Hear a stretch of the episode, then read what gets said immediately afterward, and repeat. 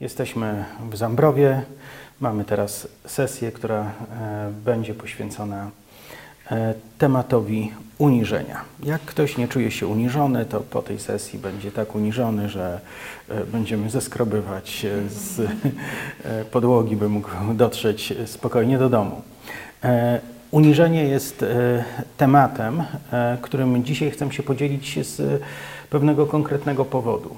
Myślę, że jest to e, temat, który jest niezwykle rzadko e, poruszany w Kościele i myślę, że jeszcze mniej jest rozumiany. Akurat niektóre prawdy funkcjonują bardzo podobnie zarówno w Starym, jak i w Nowym Testamencie. I kiedy spojrzymy na Stary i Nowy Testament, to zobaczymy, że w kluczowych, trudnych sytuacjach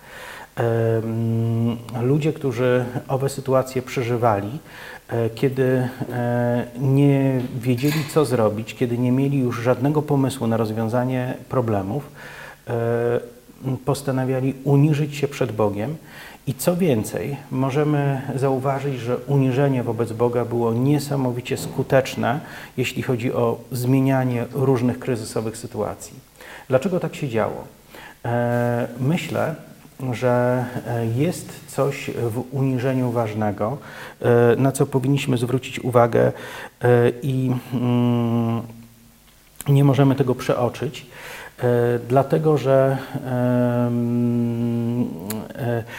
sama analiza tekstu podpowiada nam, że Bóg chce e, nam coś przez to powiedzieć. Uniżenie nie jest związane z tym, że Bóg ma wielką przyjemność i radość z tego, kiedy zaczynamy się uniżać, nie wiem, może użalać nad sobą albo mówić, jak nędznymi robakami jesteśmy. Nie sądzę, aby Bóg miał e, wynikającą z tego jakąś przyjemność i też nie sądzę, że uniżenie powinno w ten sposób wyglądać. Myślę e, raczej, że uniżenie jest pewnym e, sposobem na to, abyśmy wyregulowali swoje wnętrze i abyśmy mogli e, wyraźniej słyszeć, co Bóg ma nam do powiedzenia. Ja osobiście uważam, że uniżenie powinno być stałą praktyką w życiu każdego Bożego dziecka, E, które chce podążać za Bogiem. E, e, uniżenie jest czymś, co pomaga nam wyregulować zdolność słyszenia, widzenia, rozpoznawania Bożej woli. I dlatego Bogu zależy na tym, abyśmy się uniżali. Co jest przeciwieństwem uniżenia? Wyniosłość, pycha. I kiedy spojrzymy na E, te dwie postawy w Biblii, to zauważymy, że e, pycha jest grzechem niezwykłym. E, my, jako grzechy wielkiej kategorii, zwykliśmy traktować takie grzechy jak morderstwo, jak nie wiem, jakieś grzechy w stylu gwałtów czy tym podobnych historii. I myślę, że w takiej ocenie tego, jaki grzech, jeśli w ogóle taka ocena miałaby jakikolwiek sens, jaki jakie grzechy są najgorsze, to szybko na tej liście znalazłyby się tego typu grzechy. Ale jeśli spojrzymy na e, Pismo Święte, to to, co jest ciekawe, to to, że Bóg tą przeciwność uniżenia, tą e, pychę, pokazuje nam jako e, jeden z najcięższych, najgorszych grzechów, jakich człowiek może się dopuścić. I kiedy pomyślimy sobie o tym w takim zestawieniu, tu mamy jakiegoś pyszałka, który gdzieś tam opowiada wyniosłe, bzdurne rzeczy, czy jakiegoś megalomana, e, na którego możemy spojrzeć jako na niegroźnego głupka, a z drugiej strony mamy, nie wiem, mordercę, gwałciciela, no to e, wiadomo, że e, tu jest ktoś, kto wydaje się mało groźny, a tu jest ktoś, kto wydaje się naprawdę groźny. Ale kiedy spojrzymy na tą rzeczywistość nieco inaczej, kiedy na przykład zobaczymy wszystko to, co się wydarzyło w reżimie komunistycznym za czasów naj, jednego z największych zbrodniarzy, jacy kiedykolwiek żyli na ziemi za czasów Stalina. Z czego to się zrodziło? Pycha i wyniosłość, która była w sercu tego człowieka, była czymś, co przesądzało o losie milionów ludzi. E, pycha owego człowieka e, sprowadziła na świat e, więcej okrucieństwa, więcej bólu, więcej przemocy, więcej zła, niż mógłby sprowadzić na świat jakikolwiek mm, gwałciciel czy morderca. I w związku z tym, kiedy zaczniemy patrzeć na to w ten sposób, rzeczy się zmieniają. Wszelcy dyktatorzy wszystkich czasów posiadali jedną wspólną cechę. Byli niesamowicie pyszni i wyniośli. E, kiedy pomyślimy sobie o e, tym, e, jak wyglądali podczas swoich przemówień Mussolini, ten to miał twarz stworzoną do pychy, do wyrażania pychy. Jeśli przypominamy sobie, jak wyglądał Mussolini, to naprawdę to e, e, bardzo mocno rysuje się w nim E, po samym obrazku. E, nie trzeba rozumieć tego, co mówi, wystarczy zobaczyć, jak się zachowuje, jak, jakie gesty wykonuje w trakcie swoich przemówień, by widzieć, że ma się do czynienia z niezwykle pysznym człowiekiem. E, kiedy myślimy o Hitlerze, kiedy myślimy o Stalinie, kiedy myślimy o najgorszych zbrodniarzach, jacy kiedykolwiek żyli, oni chcieli zaspokoić swoją pychę.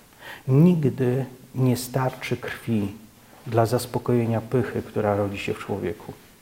I e, kiedy przyjdą następne e, reżimy na świecie, kiedy e, powstaną kolejni dyktatorzy, to nikt nie musi się nad tym zastanawiać. Cechą, która będzie łączyła e, owych ludzi z ich zwyrodniałymi poprzednikami, będzie niesamowita pycha.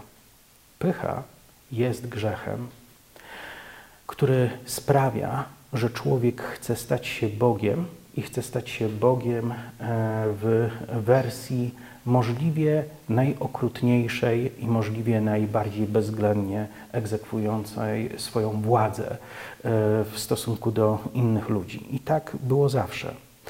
E, jeśli ktoś chce zostać napełnionym przez ducha szatana, czego nie reklamuję i co gorąco odradzam, to powinien zacząć e, e, kształtować w sobie postawę pychy, bo diabeł bardzo chętnie się do takich ludzi przykleja.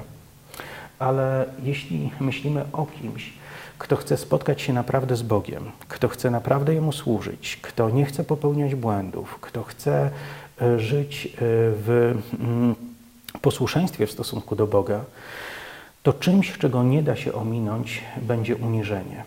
Czym jest uniżenie? E, to jest pytanie, które bardzo często ludzie mi zadają, kiedy poruszam ten temat i mm, zważywszy na częstotliwość tego typu pytań, e, podejrzewam, że jest to e, jeden naprawdę z najbardziej potrzebnych tematów dla Kościoła. Bo jeżeli ktoś jest wierzący przez 5, 10, 15 lat i pokazaniu na temat uniżenia pyta, czym jest uniżenie, w jaki sposób mam się uniżyć, to ja wtedy nie muszę się zastanawiać. Ja wiem, że e, mm, taka osoba nigdy nie otrzymała właściwych fundamentów duchowych. Właściwe fundamenty duchowe, jakie możemy dzisiaj we współczesnej rzeczywistości przekazywać ludziom, jeśli chodzi o nauczanie, e, to dotyczy dwóch sfer. Jedną sferą jest pewna wiedza teologiczna, którą powinniśmy w kwestiach fundamentalnych zdobyć, a drugą e, sferą jest kwestia tego, w jaki sposób utrzymywać żywą relację z Bogiem. I to jest coś, co dotyczy bardziej funkcjonowania nas jako osoby, które chcą mieć kontakt z Bogiem. To e, też jest e, coś, czego nie da się w pełni nauczać, jeśli pominie się temat uniżenia. Uniżenie jest e, postawą, w której człowiek e, przyjmuje właściwą pozycję w stosunku do Boga. E, mm, powiem o pewnej rzeczy. Pewnie gdzieś na YouTube jest do znalezienia cała seria filmów dokumentalnych opowiadających o festiwalu w Jarocinie, który odbywał się przed laty. Tam przyjeżdżało wielu sfrustrowanych ludzi, jakim kiedyś i ja byłem. E, ale jeden z tych e, e, filmów dokumentalnych zaczyna się od mm, utworu bodajże kapeli, która się nazywała Zbombardowana laleczka. I e, tekst zaczynał się takimi słowami, że jeśli istnieje coś takiego jak Bóg, odpowie za wszystkie zbrodnie świata. Coś takiego może się urodzić tylko w naprawdę pysznym umyśle. E, I no, myślę o wielkim współczuciem o takich ludziach, bo e, najprawdopodobniej ich gniew jest wynikiem straszliwych ran, które gdzieś tam odnieśli w życiu, ale nie będziemy zajmowali się to psychoanalizą. E, jednak to, co dzieje się w świecie, to to, że ludzie często są zdolni do osądzania Boga, zdolni do krytykowania Boga zdolni do sadzania go na ławie oskarżonych w swojej wyobraźni i e, wypowiadania najgłupszych, najbardziej bezczelnych, najbardziej ordynarnych słów pod e, adresem Boga, zakładając, że, że go nie ma i że e, nie ma też żadnego znaczenia, co na jego temat mówią. W piśmie jest napisane: Głupiec rzekł w sercu swoim: Nie ma Boga. Jeśli naprawdę komuś uda się przekonać do czegoś takiego, to faktycznie wszystko, cokolwiek się pod jego adresem mówi, jest e, e, czymś, co nie ma żadnego znaczenia. Jeden z e, wielkich pisarzy amerykańskich, jeśli dobrze kojarzę, Mark Twain, napisał książkę pod tytułem Listy z Ziemi. Jest jeden wielki, jedno wielkie bluźnierstwo przeciwko Bogu. Przebrnąłem przez tą książkę, bo trzeba też wiedzieć, co po drugiej stronie jest argumentami. E, z wielkim e, żalem e, myślałem o tych wszystkich myślach, które zrodziły się w umyśle człowieka, który postanowił wykpić, wyśmiać i wyszydzić Boga. Ten człowiek nie żyje od dawna. I nie jestem skłonny powiedzieć mu, masz za swoje. Wolałbym, aby ten człowiek się upamiętał i e, doświadczył zbawienia, ale do tego musiałby się uniżyć. Brak uniżenia w życiu człowieka jest czymś, co sprawia, że e, zaczynamy traktować swoje e, życie, jakby było e, jedyną wartością, jakby wszystko inne było bezwartościowe. Kiedy stajemy się ludźmi skoncentrowanymi na sobie, to nie ma w naszym życiu nic ważniejszego niż my. A Bóg jest tylko przeszkadzajką, która niepotrzebnie chce maltretować Twoje sumienie, by odmówić Ci prawa do niektórych przyjemności. Do tego się to sprowadza. Jednak e, jeżeli mm, e, chcemy poszukiwać Go naprawdę, to powinniśmy zauważyć kilka istotnych rzeczy, które e, miały miejsce w e, Piśmie Świętym. E, chciałbym, aby ta sesja była możliwie krótka i w jasny sposób e, dotykała tematu, którym chcę się zająć, więc pokażę kilka z takich najważniejszych wątków, które dla mnie mają ogromne znaczenie. Więc kiedy patrzymy na temat uniżenia, możemy zobaczyć taką rzecz. Mojżesz wyprowadzał z Egiptu rozpasany naród niewolników, którzy poczuli się wolni i zaczęli swojej wolności nadużywać. Bardzo często szemrali przeciwko Bogu, przeciwko Mojżeszowi, nie było dla nich żadnych autorytetów, oni byli dla siebie najważniejsi i w ich wnętrzu e, wrzała żądza zaspokajania swego ciała, wrzała żądza e, okazywania e, wszelkich aspektów swojej wolności. Oni sobie zrobili Boga takiego, jaki im się podobał, robili wiele głupich rzeczy. I efekt tego był taki, że pojawił się Boży gniew i pojawiły się kary, które spadały na uflut, a pośród nich był Mojżesz, który był jedyną nitką trzymającą ich przy życiu, który zanosił błagania i w uniżeniu. Ten, który był niewinny, ten, który nie popełnił takich grzech, grzechów jak oni, uniżał się z powodu Izraela i błagał Boga o przebaczenie e, i o mm, e, ugaszenie gniewu e, z powodu grzechów owego ludu. Biblia mówi o tym, że Mojżesz potrafił w takich momentach, w których dowiadywał się o grzechu Izraela, padać na twarz i pościć przez 40 e, dni i 40 nocy, nie podnosząc się z ziemi, tylko leżąc plackiem przed Bogiem i błagając Boga o to, by ich ocalił.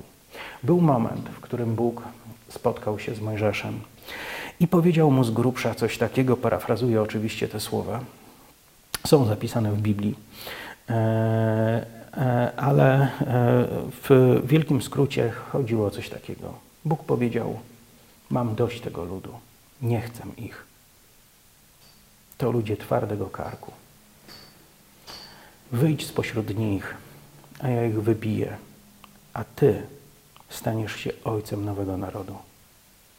Wiecie, myślę, że nie jedna osoba poczułaby się bardzo podniesiona takimi słowami ze strony Boga. Mojżesz uniżył się, zaczął się modlić i powiedział: Boże, to nie o ten lud, ale o Ciebie chodzi. Inne ludy powiedzą: Wyprowadziłeś ich z Egiptu, ale nie byłeś wystarczająco wszechmocny, by doprowadzić ich do ziemi obiecanej, dlatego wyprowadziłeś ich nie ku wybawieniu, ale ku zgubie, by wytłuc ich na pustyni. Panie, nie rób tego swojemu imieniu. Ono jest ważniejsze. Mojżesz bardzo mocno uniżył się przed Bogiem. W którymś momencie Bóg, który e, e, czuwał nad tym wszystkim, za sprawą swego ducha doprowadził do sytuacji, w której Mojżesz na jednej z e, kart, e, e, na jednym ze zwojów, może tak, napisał takie słowa. A Mojżesz był najpokorniejszym ze wszystkich ludzi. Wiecie co? Trzeba być makabrycznie pysznym, żeby coś takiego napisać, albo musi być to prawdą. Myślę, że jeśli chodzi o Mojżesza, było to prawdą. Bóg chciał, aby Mojżesz to zapisał własną ręką. Myślę, że Mojżesz był na tyle pokorny w stosunku do Boga, że w żadnej sytuacji nie e, stawał przed Bogiem i nie mówił: No Boże, no dajmy spokój. To, e, e, to nie była natura Mojżesza. Mojżesz był posłuszny. I Mojżesz był osobą która naprawdę poświęciła się temu dziełu, do którego został powołany. Uniżenie Mojżesza ocaliło Izrael. Izrael na pustyni mogło spotkać coś znacznie gorszego niż spotkało ich w Egipcie, w ziemi ich niewoli. Ale uniżony sługa, jakim był Mojżesz, robił większe wrażenie na Bogu niż wszyscy ci godni kary ludzie. To jest ciekawa lekcja. Jeden uniżony człowiek miał więcej do powiedzenia Bogu i Bóg więcej brał pod uwagę słowo tego jednego uniżonego człowieka niż grzech całego narodu. Czy to nie robi wrażenia? To już pokazuje, jak ważnym tematem jest uniżenie w Piśmie Świętym. Chciałbym pokazać jeszcze e, inną postać i to jest też dla mnie niesamowita lekcja wypływająca ze Starego Testamentu. Prorok Eliasz przyszedł do króla Achaba. Nie będę roztaczał całego tła, ale powiedzmy tyle, że Achab był e, najgorszym z najgorszych króli. Mimo, że był Izraelitą, wziął sobie pogańską żonę, która e, uprawiała nierząd z prorokami Balla i e, doprowadzała do straszliwego zepsucia duchowego, moralnego w Izraelu. Była winna najróżniejszych zbrodni, a Achab się z tym wszystkim godził i uczestniczył w jej e, grzesznych zamysłach bez najmniejszego problemu. Achab odwrócił się od Boga. Był jego wrogiem. E, I ta sytuacja nigdy się nie zmieniła. Achab e, umarł jako człowiek zbuntowany przeciwko Bogu, umarł e, w wyniku Bożego Sądu. Ale w życiu Achaba wydarzyło się coś wyjątkowego. Kiedy dotarło do mnie to, o czym czytam, byłem pod takim wrażeniem, że wielokrotnie przeczytałem tę historię, dlatego że tam znajdowała się pewna tajemnica, którą my musimy zrozumieć. Bóg któregoś razu posłał e, Eliasza do Achaba, aby ogłosił słowa sądu. Eliasz poszedł i zrobił to. Achab nie nawrócił się, ale Biblia mówi, że się zasmucił i uniżył się przed Panem i założył włosienicę i zaczął pościć. To była chwila uniżenia wobec Boga. On nie nawrócił się. On nie przyszedł do Boga, aby z nim się pojednać i zacząć jemu służyć. To była chwila uniżenia u Bożego wroga, u kogoś, kto był wrogi Bożym planom przez cały czas. I kiedy to się działo, Bóg przemówił do Eliasza i powiedział: Nie mogę być na to obojętny. Sąd, który nad nim ogłosiłeś, nie będzie aż tak ciężki. Zelża w tym sądzie. On był człowiekiem potępionym. Ale Bóg postanowił odjąć mu z jego potępienia z powodu uniżenia, które pojawiło się w jego życiu. Jeśli Bóg z powodu uniżenia jest w stanie zmieniać los swoich wrogów, którzy pozostają nimi na zawsze, to o ileż bardziej my, jako Boże dzieci, powinniśmy być świadomi tego, że nasze uniżenie naprawdę robi na Bogu wrażenie. Zaczynam rymować, ale to nie, nie spodziewajcie się, że zaraz pojawi się tutaj jakiś podkład, do którego polecą kolejne rymy. Jednak e, zauważcie, że e, te dwie e, sytuacje to nie są jedyne sytuacje, które opisują kwestię uniżenia w Starym Testamencie, ale te dwie sytuacje, one zawierają potężną lekcję dla nas. Jeden uniżony człowiek mówi do Boga głośniej niż miliony zbuntowanych. Czy to nie jest potężna myśl? Kolejna. Nawet jeśli jesteś zbuntowany przeciwko Bogu, a uniżysz się przed Nim, Bóg to zauważy i na to zareaguje. Tym bardziej, jeśli jesteś Bożym dzieckiem, e, jeśli nauczysz się uniżać, jeśli zaczniesz się uniżać przed Bogiem, Bóg do ciebie przylgnie. Pamiętam, jak e, w latach 90. słuchałem wykładów Dirka Prince'a. E, to bardzo cenny nauczyciel, którego miał Kościół i możemy dziękować Bogu, że ciągle są dostępne materiały po tym zacnym bracie.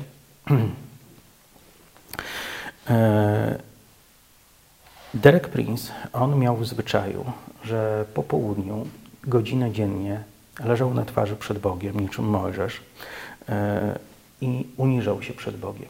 Dlaczego? Dlatego, że Derek Prince, który był wybitnym nauczycielem, który miał niesamowicie wyszkolony umysł, który znał Grekę, od, e, zaczął uczyć jej bodajże od ósmego roku życia, który studiował na Uniwersytecie e, w Jerozolimie język hebrajski.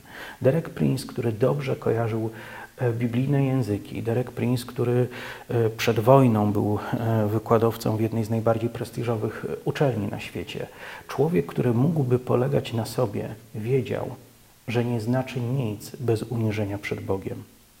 I myślę, że to, co Derek Prince po sobie pozostawił, nie było rezultatem tego, jak wybitny był Derek Prince, tylko było rezultatem tego, jak bardzo Derek Prince nauczył się uniżać przed Bogiem i czerpać z Niego. E, jeśli nie jesteśmy ludźmi e, mającymi poczucie, że jesteśmy samowystarczalni, mamy wszystko, co nam potrzeba, nie musimy uniżać się przed Bogiem, możemy na tym bazować i jechać w takiej e, formie przez bardzo, bardzo długi czas.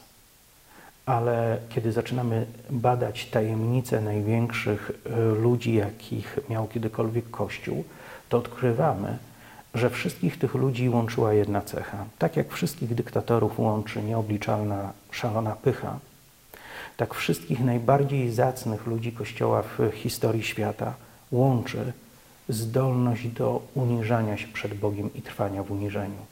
Zdolność do powiedzenia Bogu: Boże, jestem całkowicie od Ciebie zależny. Potrzebuję Ciebie całkowicie. Uniżam się przed Tobą. Chcę Ci się przyznać do swojej bezradności i oddać Ci chwałę, stając się przed Tobą kimś, kto jest gotów przyjąć wszystko od Ciebie jak największy skarb i nie próbując być skarbem dla samego siebie.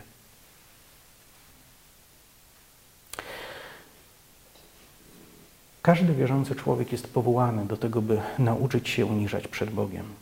Każdy wierzący człowiek, kiedy zaczyna uniżać się przed Bogiem, odkrywa coś niezwykłego, co się w wyniku tego dzieje. Zaczynasz słyszeć, zaczynasz widzieć. Twoja wrażliwość duchowa zaczyna się wyostrzać. Jeśli chcesz wyregulować swój duchowy odbiornik, to możesz go zrobić właśnie w ten sposób. Na podłodze, przyznając się do całkowitej bezradności wobec Boga. Jeśli jesteś w ciąży, możesz położyć się na plecach, ale, ale potrzebujemy wiedzieć, że uniżenie się jest jedną z e, rzeczy, bez których prawdziwe chrześcijańskie życie nigdy się nie rozwinie, dlatego że nigdy nie rozwinie się w tobie wrażliwość duchowa na Boży głos. E, dlaczego e, Biblia mówi o poście? Mówi o nim zarówno w Starym i w Nowym Testamencie. Jezus, kiedy mówi o poście, używa takie, takich słów, a ty, gdy pościsz, więc Jezus e, zakłada, że pościsz. I mówi, jak mamy się zachowywać, kiedy pościmy.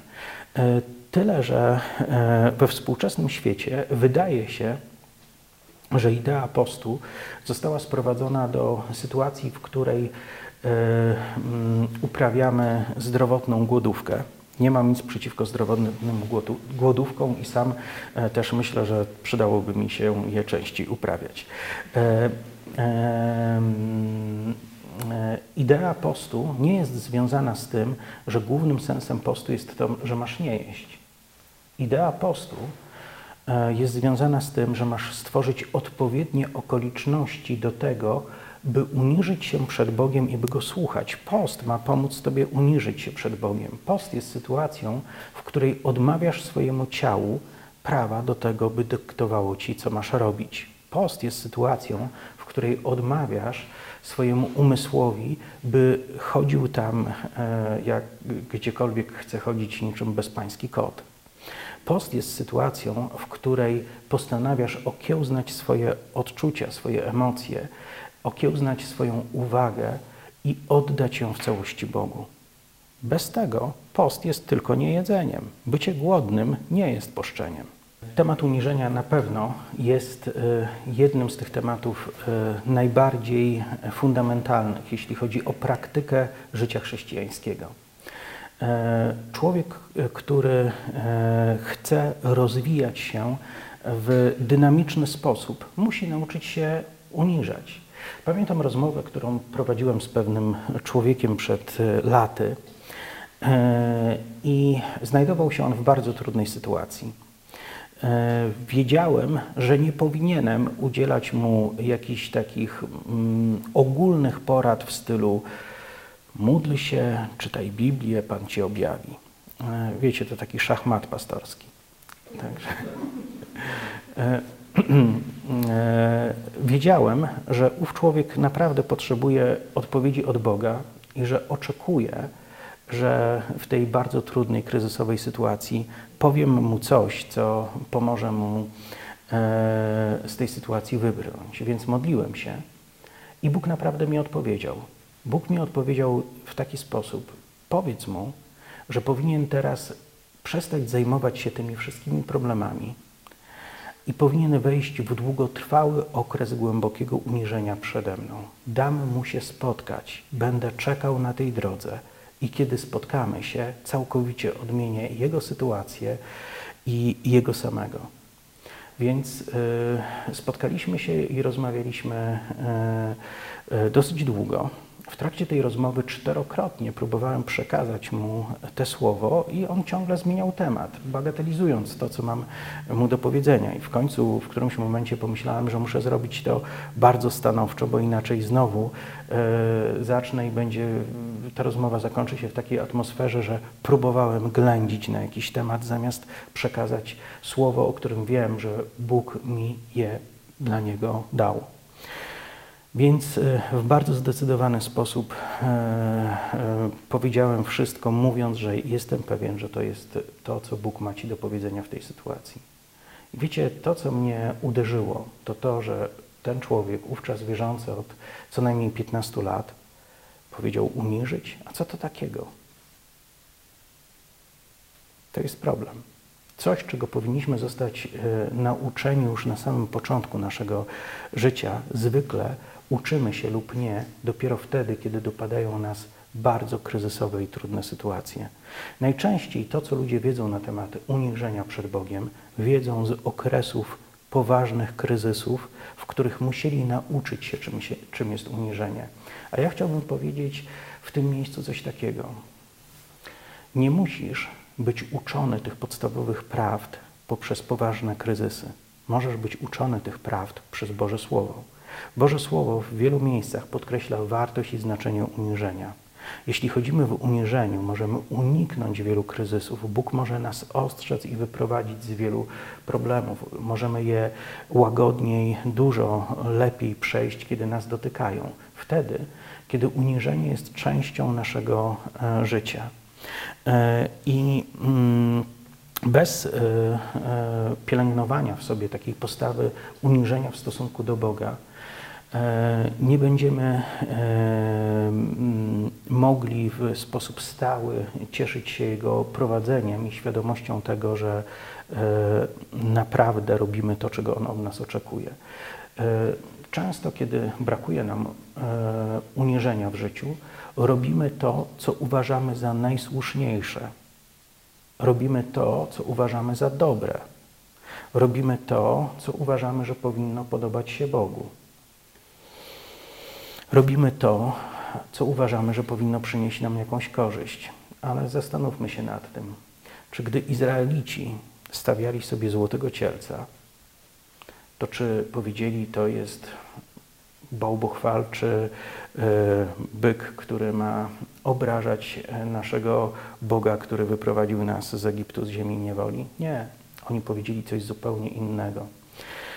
W e, oryginalnym tekście tam jest użyte imię Boga. Oni mówią, to jest Jahwe, Twój Bóg, który wyprowadził Cię z Egiptu, z domu niewoli. Oni wierzyli, że robią coś dobrego, ale robili coś, co wynikało z ich wyobrażeń na temat Boga. Oni postanowili zebrać złoto, najcenniejsze, co mieli. Ludzie, którzy przed chwilą byli niewolnikami, którzy ograbili Egipt, postanowili te złoto, z którym mieli tak niewiele do czynienia, oddać na rzecz tego, by stworzyć owego byka ku czci Boga. Myślę, że wielu z nich robiło to z autentycznym poczuciem wdzięczności i mając poczucie, że robią coś słusznego. Jednocześnie zrobili coś, co Bogu się nie podobało. Kiedyś Bóg pokazał mi ten obraz i przemówił do mnie w taki sposób. To było we wczesnym okresie, e, świeżo po moim nawróceniu, kiedy wykazywałem się wręcz nieludzką gorliwością. E, Bóg e, pokazał mi ten obraz złotego cielca, uczynionego w dobrej wierze, ale w rzeczywistości nie było w tym nic dobrego. I Bóg mi pokazał, tak wygląda Twoja gorliwość. Robisz wszystko z myślą o mnie, ale nie robisz tego w posłuszeństwie mi. I kiedy człowiek jest nieuniżony przed Bogiem, to łatwo jest mu robić rzeczy, które uważa za słuszne. Ale kiedy uczymy się uniżać przed Bogiem, uczymy się jednocześnie robić rzeczy, które wynikają z posłuszeństwa. I to jest wielka różnica, prawda? E, dlatego e, nikt, e, kto chce żyć jako chrześcijanin, nie może ominąć tej lekcji. Część tego, co potrzebujemy, tak jak wspomniałem już wcześniej, to właściwa teologia. Ale właściwa teologia nie jest w stanie Ciebie uratować. Potrzebujesz właściwej relacji z Bogiem. Wielokrotnie to powtarzam, dziś e, będzie e, to powtórzone po raz kolejny, ale jeśli spojrzymy na nauczanie Jezusa, to zauważymy, że myśli teologicznych w tym, co mówił, było bardzo niewiele.